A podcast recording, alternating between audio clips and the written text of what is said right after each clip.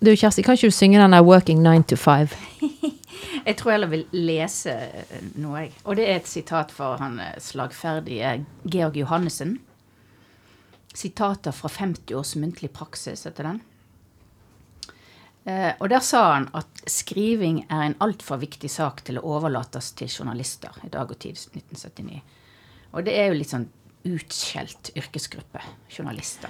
Du er jo journalist sjøl. Ja, jeg føler veldig på det. altså. At det Dere er raske, slurvete Ja. og er unøyaktige. Må alltid ta sitatsjekk, og det er alltid noe de har misforstått. Og så blir det trykket det du ikke vil ha på trykk likevel. Og for ikke å snakke om eh, bildene er alltid dårlige, men det er jo ikke din feil. Du hører på den litterære podkasten Det store i det små. Og vi er Kjersti Sandvik, journalist og forfatter. Og Grete Fatima Sayed, litteraturviter, forfatter og oversetter. Vi har fått støtte fra Litteraturhuset i Bergen, Bergen kommune. Kulturrådet og Fritt Ord. Men jeg har jo Ja, men vi skulle ikke begynne med den. Nå må du kule den. Vi skulle begynne med å si at det var så mange yrker at vi, vi kunne ikke si oss ferdig med, med det vi gjorde. Så noen er jo da working 9 to 5, og noen er absolutt ikke det. Noen er vanlige, eh, og noen er litt uvanlige. Og der er det at jeg også har eh, tatt med i dag Arvid Turgeili, som er en av mine favoritter. Han har en diktsamling som heter 'Fra et halvt liv', og der skriver han bl.a. om tunnelarbeideren, om danserinne, om vaskekone og aviskone. Og nå skal vi ikke arrestere han for sånn kjønnsdiskriminering med en gang, for dette her var jo Det er jo ganske lenge siden. Den kom ut i 69, så da var det greit å, å si hvilende danserinne og vaskekonene på Blindern og sånt. Um, anleggsarbeideren har han òg. Jeg skal lese et dikt, jeg. Anleggsplassen. Arbeidet kjører arbeideren med taumer. Dagen har sine pauser, oaser av mat og kaffe. Arbeideren er et vers over verden, skrevet inn overalt med en fin metallspiss. Våren slår med vengene over snøen nå, de gule byggkranene singler i lyset. Sola signaliserer å sette verden i gang, alt på ny, en trompet i lufta. Arbeideren blir lys, det mørke arbeidet letner. Fint? Ja, fint. Jeg tenkte på sånne ralleaviser jeg, om veibygging og togbygging og sånn. Ja, det er klart, arbeideren er jo virkelig en av de gode gamle traverne. Streik hadde jo Per Sivle en bok som het. Og så har jeg en tjukk eh, bok her som er Cecilie Løveid sine samlede dikt fra 2001 til 2013. Og hun er jo en eh, typisk forfatter, den typen som du kan bare åpne på en hvilken som helst side, og så finner du noe gullkorn og perler og diamanter og sånn. Noe å le av og noe å tenke på. Ja, og noe å bli klok av og undre seg over. Men jeg la merke til at det var veldig mange eh, yrker her òg. Én ting er at eh, hun ble kjent Ja, ja, hun har jo vært kjent før, men hun kom med en, en samling som het Flytterester. Og der skriver hun masse om eh, flyttemenn. Eh, og hva de gjør med flyttebilene sine, og bærer inn og ut møbler og Veldig likt og ulikt. Eh, Den kom i 2012. Men allerede før det så har hun skrevet om veldig utypiske yrker. F.eks. buemakeren og pianostemmeren. Du har ikke sett mange dikt om de. Nei. Museumsvakten, filosofen, retorikeren, kanskje litt mer sånne kjente størrelser, men bardodanseren. Og hun har et dikt om eh, Gutenberg sin assistent. Om en smertelege og en qigonglærerinne, klovn i pyjamas osv. Brukthandleren, antikvaren og guiden. Virkelig en eh, mengde med yrker. Skal jeg lese noe? Ja. Men er det noe sånn at de yrkene tilfører et budskap, eller har et spesielt budskap knyttet til det yrket, eller er det at hun vil ja, bes... Altså, først og fremst er jo det dette underlige løveidske blikket på verden. Men det tilfører jo noe. F.eks. det med retorikeren er faktisk til Georg Johannessen. Og eh, hun eh, skriver jo ofte òg til kunstverk som fins, og til eh, ja, malerier, skulpturer, foto, alt mulig. Så ja, det vil jeg si. Det tilfører absolutt noe. La oss få høre et av dine favoritter. Ja, da skal vi se. Jeg må ta et som ikke er altfor langt, da. Kanskje qigongen er kanskje ikke så langt. Har du gjort qigong noen gang? Nei. Det har jeg. Det er ganske sært. Ja, forklar. Nei, det blir for langt. Vi skal ta det en annen gang. Min qigonglærerinne har fått lakkert kabuki-hår. Jeg sa ikke at det var pent. Den lille damen er en origamidukke. Man kan brette henne som en blomst. Hun elsker lacroix. Hun har et lacroix-hjerte på ryggen. Det står flammer ut av det. Hun elsker jo kunst. Rokokko elsker barokk. Kalvinisme. Og det er ikke langt fra at hun elsker protestantismen også. Hun bærer jakken og tingene i etnisk balanse. Mannen hennes døde akkurat, og til meg, den eneste, sier hun at hun ikke er spesielt lei seg. Det var ikke stigespill eller rollespill, det var pokerspill og rene penger med ham. Rett ut på det vide, vakre verdensnettet. Siden forsvant han ut av sjakraene med, pokerfjeset på. Var det nødvendig med pokerfjes når han satt alene? Gud, har du farget håret? Sa jeg til min qigong-lærerinne. Ja, det var mye å tenke på. det var mye å ta tak i. Mm. Men nå kan du få komme med de utskjelte yrkene dine. Ja, det, det er journalistene, da, som ja. jeg vil ta til forsvar for. Fordi at jeg har en bok eh, skrevet av en journalist. Fantastisk god bok. Det er Gert Mark, som er nederlender. Boken kom vel ut ved årtusenskiftet. Den het 'Europa en reise gjennom det 20. århundre'. Og det er en murstein av en bok. Igjen disse her bitte små bokstavene. Og boken er jo på 700-800 sider.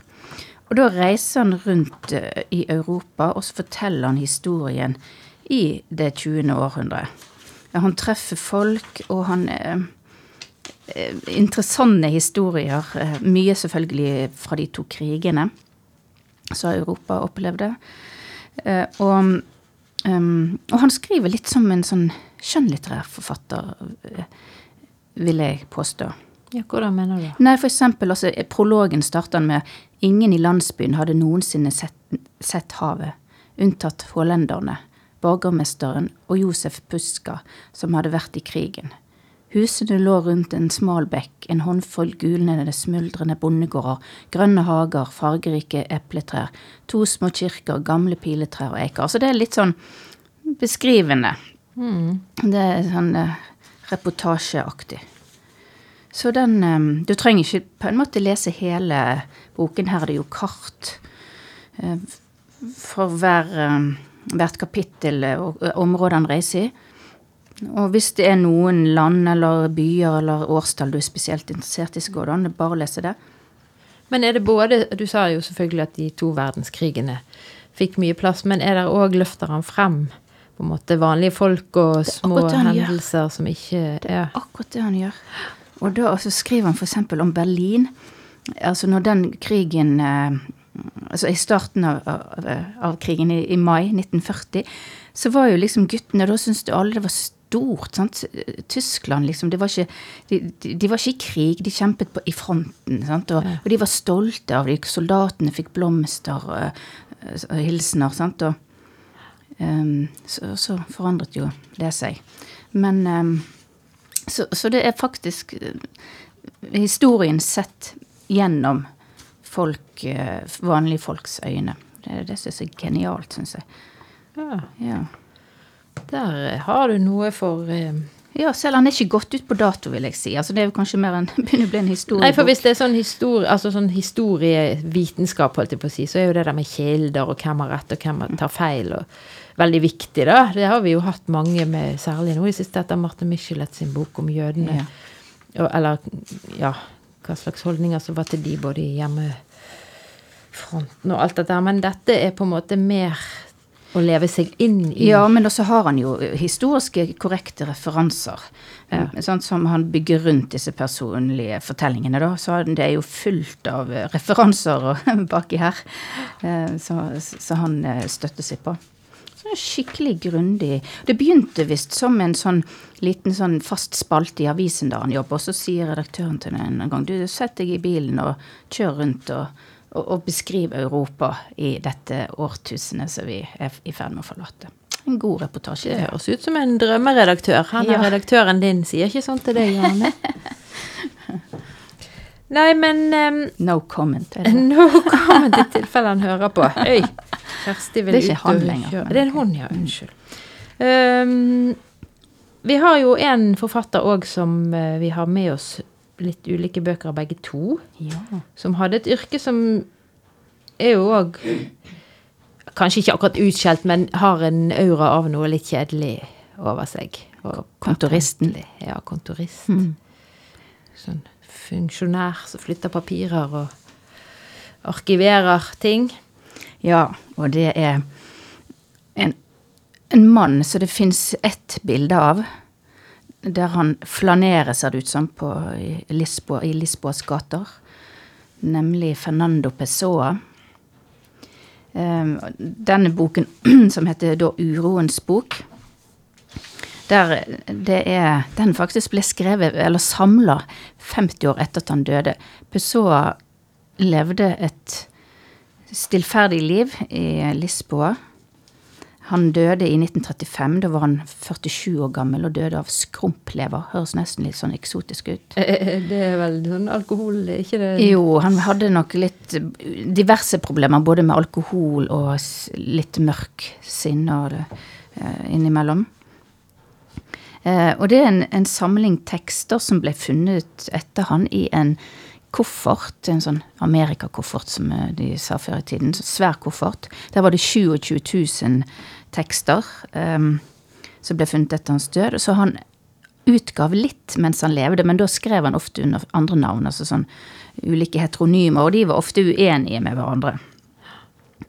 Um, og han forfatteren da i denne Uroens bok, om han så sa Pessoa at, at det var en svært forkrøplet utgave av hans egen personlighet. Eh, Og pessoa betyr ikke det person, det ordet. det vet jeg ikke. Jo, jeg tror det er portugisisk for person. Ja. Og det, ja. Men det handler jo da altså om livet til en kontorist, som jo òg er en forfatter. Og han, det, hans tanker, i, i hverdagslige tanker om døden og livet, og, livet og, som han tenker når han går på, til og fra jobb. Han jobber jo da som regnskapsassistent i et Å, sånn Gud, det høres kjedelig ut. ja, i byens forretning. Men, men du kan slå opp nesten hvor som helst. Ja, Den- dette er gjenganger. Det er de bøkene vi liker. Ja. De der vi kan slå opp og bare Ja. lese. Og så har du Men altså, det er jo litt mørkt innimellom, da. Um, men litt sånn snert innimellom òg. Eh, Vi kan lese litt, bare. Jeg misunner, skjønt gjør jeg egentlig det, de mennesker som kan skrive biografier om, eller de som kan skrive sin egen.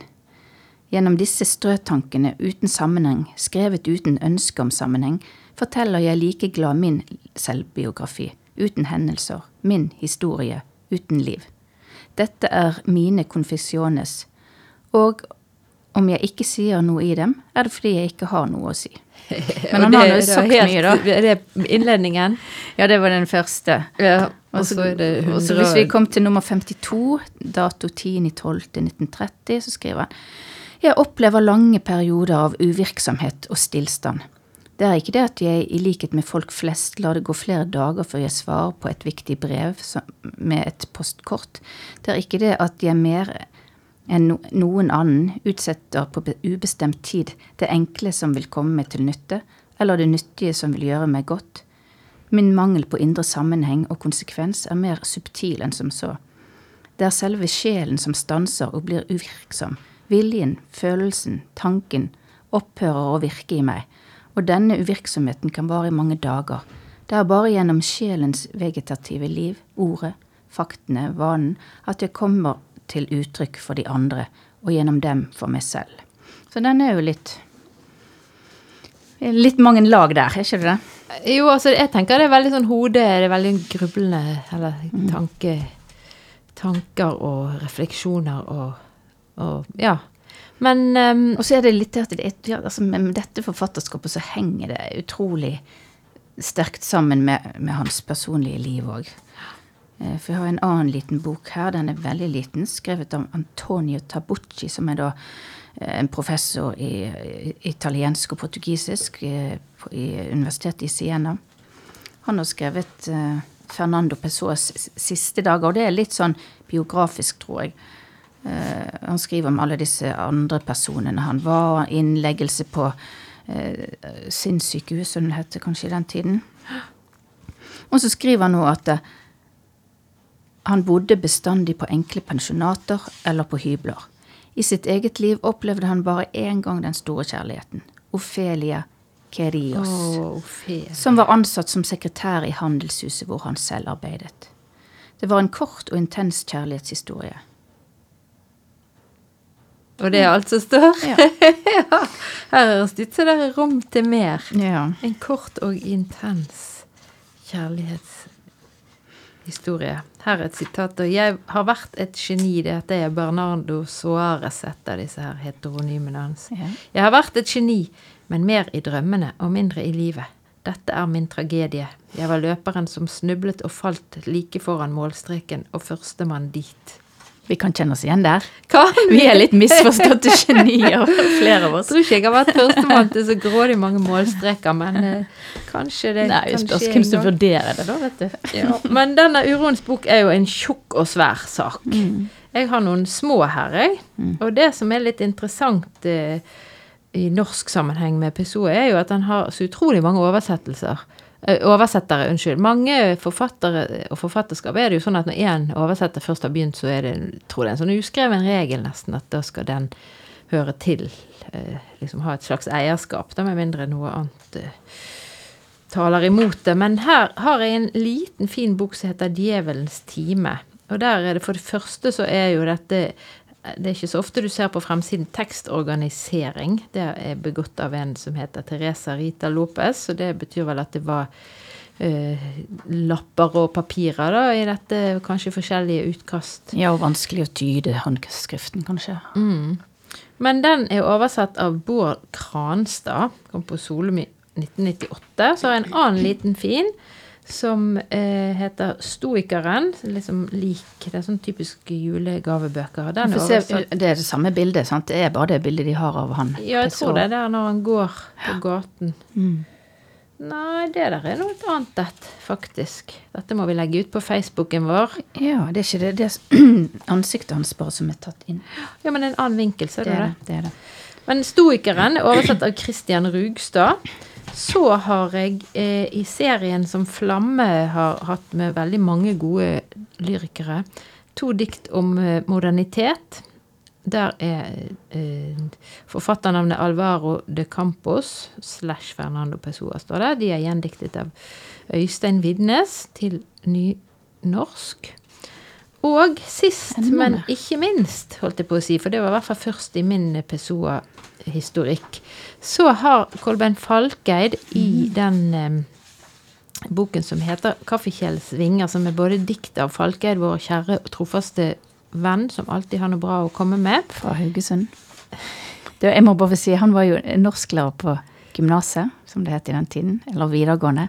Og det var han som, som anbefalte Pessoa til meg. Du hadde han som norsklærer. Nei, Jeg hadde han ikke som norsklærer, men han var nå der. Og det, vi var jo en liten, liten skole, så vi var snakket med han av og til. Så det var ikke så mange intellektuelle, det var deg og Nei, det var meg og Pessoa si, og Falkheim. Ja, men det som er veldig interessant her, det er at disse diktene, 15 dikt av Pessoa, og så har han skrevet litt om Pessoa på slutten. Samme året som disse kom, så kom også Henning Kramer Dahl med en, eh, eh, noen oversettelser. Og en del av diktene er det samme, og det er jo et sånn luksusproblem for oss, sånne som jeg som liker å jam, Man måtte jamføre, sant? Fordi at da Hvem er best? ja, men altså, ikke bare best, men det er så utrolig forskjellig. Det er sånn forskjell i stilnivå at det blir jo helt ulike tekster. Bare for å ta noen par helt sånn obvious eh, eksempel, så har Pessoa en eh, samling dikt eller en syklus som heter 'Sauegjeteren' i Falkeid sin. Men hos Kramadal 'Hyrden'. Å, ja. Det er veldig forskjellig i stilnivå der, høyt og lavt. Og sånn er det gjennomgående. Jeg er jo jeg for litt sånn neller når folk sier sånn beretter og erindrer, når de egentlig kan si forteller og husker. Men noen ganger er det mer, ikke så stor forskjell, f.eks. mellom rom og værelse og sånn, som det er her i, mellom disse to. Men ett av eh, eh, diktene som Falkeide begynner sånn, jeg går inn og lukker vinduet. Der har faktisk den andre oversetteren oversatt med 'jeg anbringer meg innendørs'. Wow. Og det syns jeg er veldig vit- Det skulle jeg likt å vite på portugisisk. Er det, er det det basic, hverdagslige 'jeg går inn', eller er det 'jeg anbringer meg innendørs'? Men eh, det har ikke noe med at man skal prøve å eh, få tidsstempelet på, at man bruker litt arkaisk språk, kanskje? Eller? Jo, det kan jo være, men ofte tror jeg rett og slett at det er en litt sånn sykdom som handler om at nå er det litteratur. Mm. Nå må vi ta litt vakre og flotte ord i bruk. Sant? Og det kan jo man gjøre, men eh, man Ja. må ikke. Men og når du sier det der med høytid, så husker jeg òg han eh, Kolbein Falkeid sa at eh, Jeg får intervjuet han en gang. Så sa han at eh, ja, altså det å kunne kalle seg forfatter, det var liksom stort. Men han måtte liksom Det å kunne å kalle seg for dikter Jeg tror han brukte dikter, ikke poet. Det Det var- var, noe enda mer finere. Ja. Så det, han, det, det satt enda lenger inne før han liksom tørte. Da måtte han gi ut noen diktsamlinger før han liksom tørte å, titulere seg som dikter. Ja, og der har vel nesten tiden gått litt ut. Ja, nå er man ikke poet. Nå, er- altså, Jo, men eh, poet og lyriker, det har med sjangeren å gjøre. ja. Men dikter, det kan jo være i alle sjangre, men det Ja, jeg, ja, det er litt utkast, jeg brukte jo faktisk det ordet i Olav Duun-boken min, men det var fordi det var eneste som passet Mm. i tittelen. Men eh, skribent er mer Ja, det, noe, det kan alle være. Det kan alle være. Og journalist. Ja, da trenger man egentlig ikke Ingen ubeskyttet tittel. Trenger ikke være utgitt engang. da. Kan Nei bare blogge litt, og din Ja. mor og noen flere ser på det. Ja. Men eh, norsklærer, Ja. det burde egentlig henge like høyt. Ja. Det er jo fader meg viktig. landets viktigste yrke. ja. Og vi trenger ikke ha sett mange ukeplaner fra våre barns barneskole her, som henger på kjøleskapdøren før vi skjønner at der er det faktisk litt å gå på. Har du hatt gode, gode norsklærere? Ja. Mest, Nesten bare gode, tror jeg. Derfor jeg har blitt så god sjøl. Jeg er heller ikke så misfornøyd med norsklærere. Altså. Mer misfornøyd med mattelærerne. Ja, men det, men det er jo bra, for ellers hadde jeg jo sittet her med en mattepodkast. Eller jeg hadde jobbet som regnskapsfører. Har du et sitat på slutten der? Ja. Georg, godeste Georg Johannessen igjen. I stedet for å debattere på norsk i en avis, kan jeg da undervise og utdanne norsklærere som blir i stand til å foreta en dramaanalyse av Dagsrevyen, til de ser at den bare er en høyrevridd studentrevy med naturalistiske kulisser fra Midtøsten. Sa han i 1978. Husker du, ja, men husker du ikke han gjorde en sånn analyse av Åge Aleksandersen, den der 'Mykje lys og mykje varme'? Nei. Jo, han slaktet han, og det ble ramaskrik. Ja, det står om det her òg, Det var da han var på radioen og sa 'dere er så dumme der borte i NRK'. Ja. Her har jeg det. Ja, det er vanlig at NRK-medarbeidere aldri er forberedt når de skal stille spørsmål. Og derfor blir det liksom litt sånn springende og rare samtaler, sa eh, Georg Johansen. Og her er dette intervjuet, da. Eh, journalisten spør. Georg Johannessen, du mener Åge Aleksandersen er like interessant og ærlig som apekatten Julius var. Hva mener du egentlig med det? Og så svarer Georgen. Ja, hva mener du egentlig med å spørre sånn? Du har en tone du spør i som om jeg hadde sagt noe fryktelig rart. Men hele Norge var opptatt av apekatten Julius veldig lenge. Og på samme måte er hele Norge opptatt av Åge Aleksandersen. Og så går det litt sånn, og så klipper vi litt, og så sier, spør journalisten er han en apekatt når det gjelder tekstene sine.